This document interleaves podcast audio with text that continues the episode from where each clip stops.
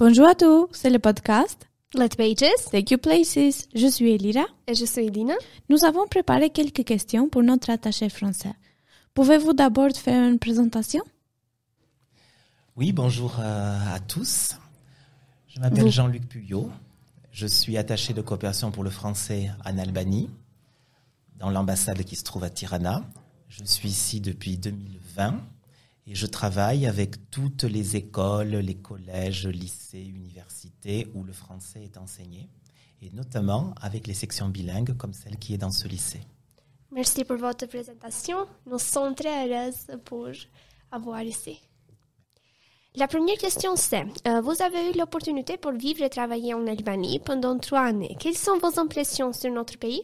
Alors, je vis déjà en Albanie donc depuis 2020 et euh, il y a beaucoup de choses qui sont très agréables dans ce pays, mais ce qui est toujours cité par les gens qui viennent ici, c'est la gentillesse des Albanais.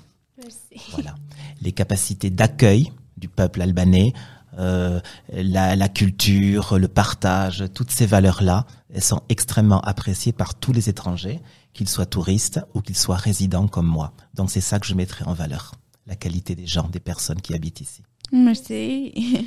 pour en savoir plus sur votre personnalité, partagez avec nous aujourd'hui l'un des rêves que vous avez laissé un insouvi. L'un des rêves que j'ai réalisé, ça a été la possibilité de d'avoir des expériences professionnelles et des expériences de vie en dehors de mon pays de naissance. Je suis français. J'ai vécu euh, plusieurs années dans mon pays, mais j'ai également travaillé à l'étranger, en particulier en Amérique latine, parce que je suis enseignant-chercheur en espagnol en France. Donc je suis intéressé par tous les pays où l'espagnol est parlé. J'ai eu la possibilité de vivre en Espagne, en Équateur, et en République dominicaine, plus au Brésil, qui n'est pas un pays hispanophone, qui est un pays lusophone, mais j'ai appris le portugais aussi, j'ai pu travailler au Brésil. Et j'ai également eu cette belle expérience qui est, qui est en cours en Albanie, où je suis venu euh, donc en 2020. Malheureusement, je ne parle pas albanais, ça c'est un grand regret pour moi, mais j'ai pu, grâce à vous, partager beaucoup de choses dans ce pays.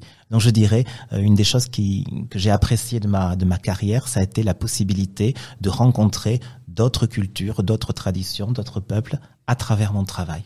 Euh, Si vous pouviez changer ce monde, quelle serait la première chose que vous feriez?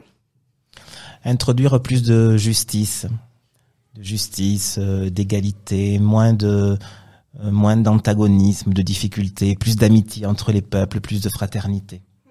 Pour terminer la courte interview avec vous, nous voudrions vous interroger sur votre relation et votre opinion personnelle sur les Albanais.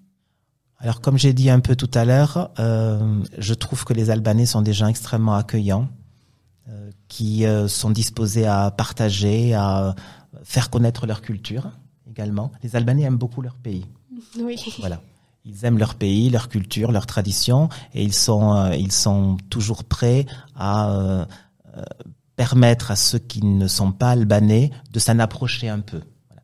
Même si on ne connaît pas euh, le pays, même si on ne connaît pas la langue, eh bien on est toujours invité à, Oui. à y participer. Donc, euh, mon opinion sur le- les Albanais est une opinion bien sûr très positive. hein.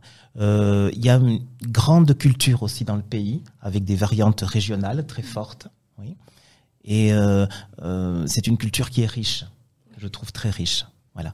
Donc, euh, euh, il y a beaucoup de choses à dire encore, hein, mais pour résumer, et puis euh, à, à brûle pour point, puisque je m'attendais pas à ces questions, donc c'est des choses qui me viennent à l'esprit, vous voyez, euh, spontanément.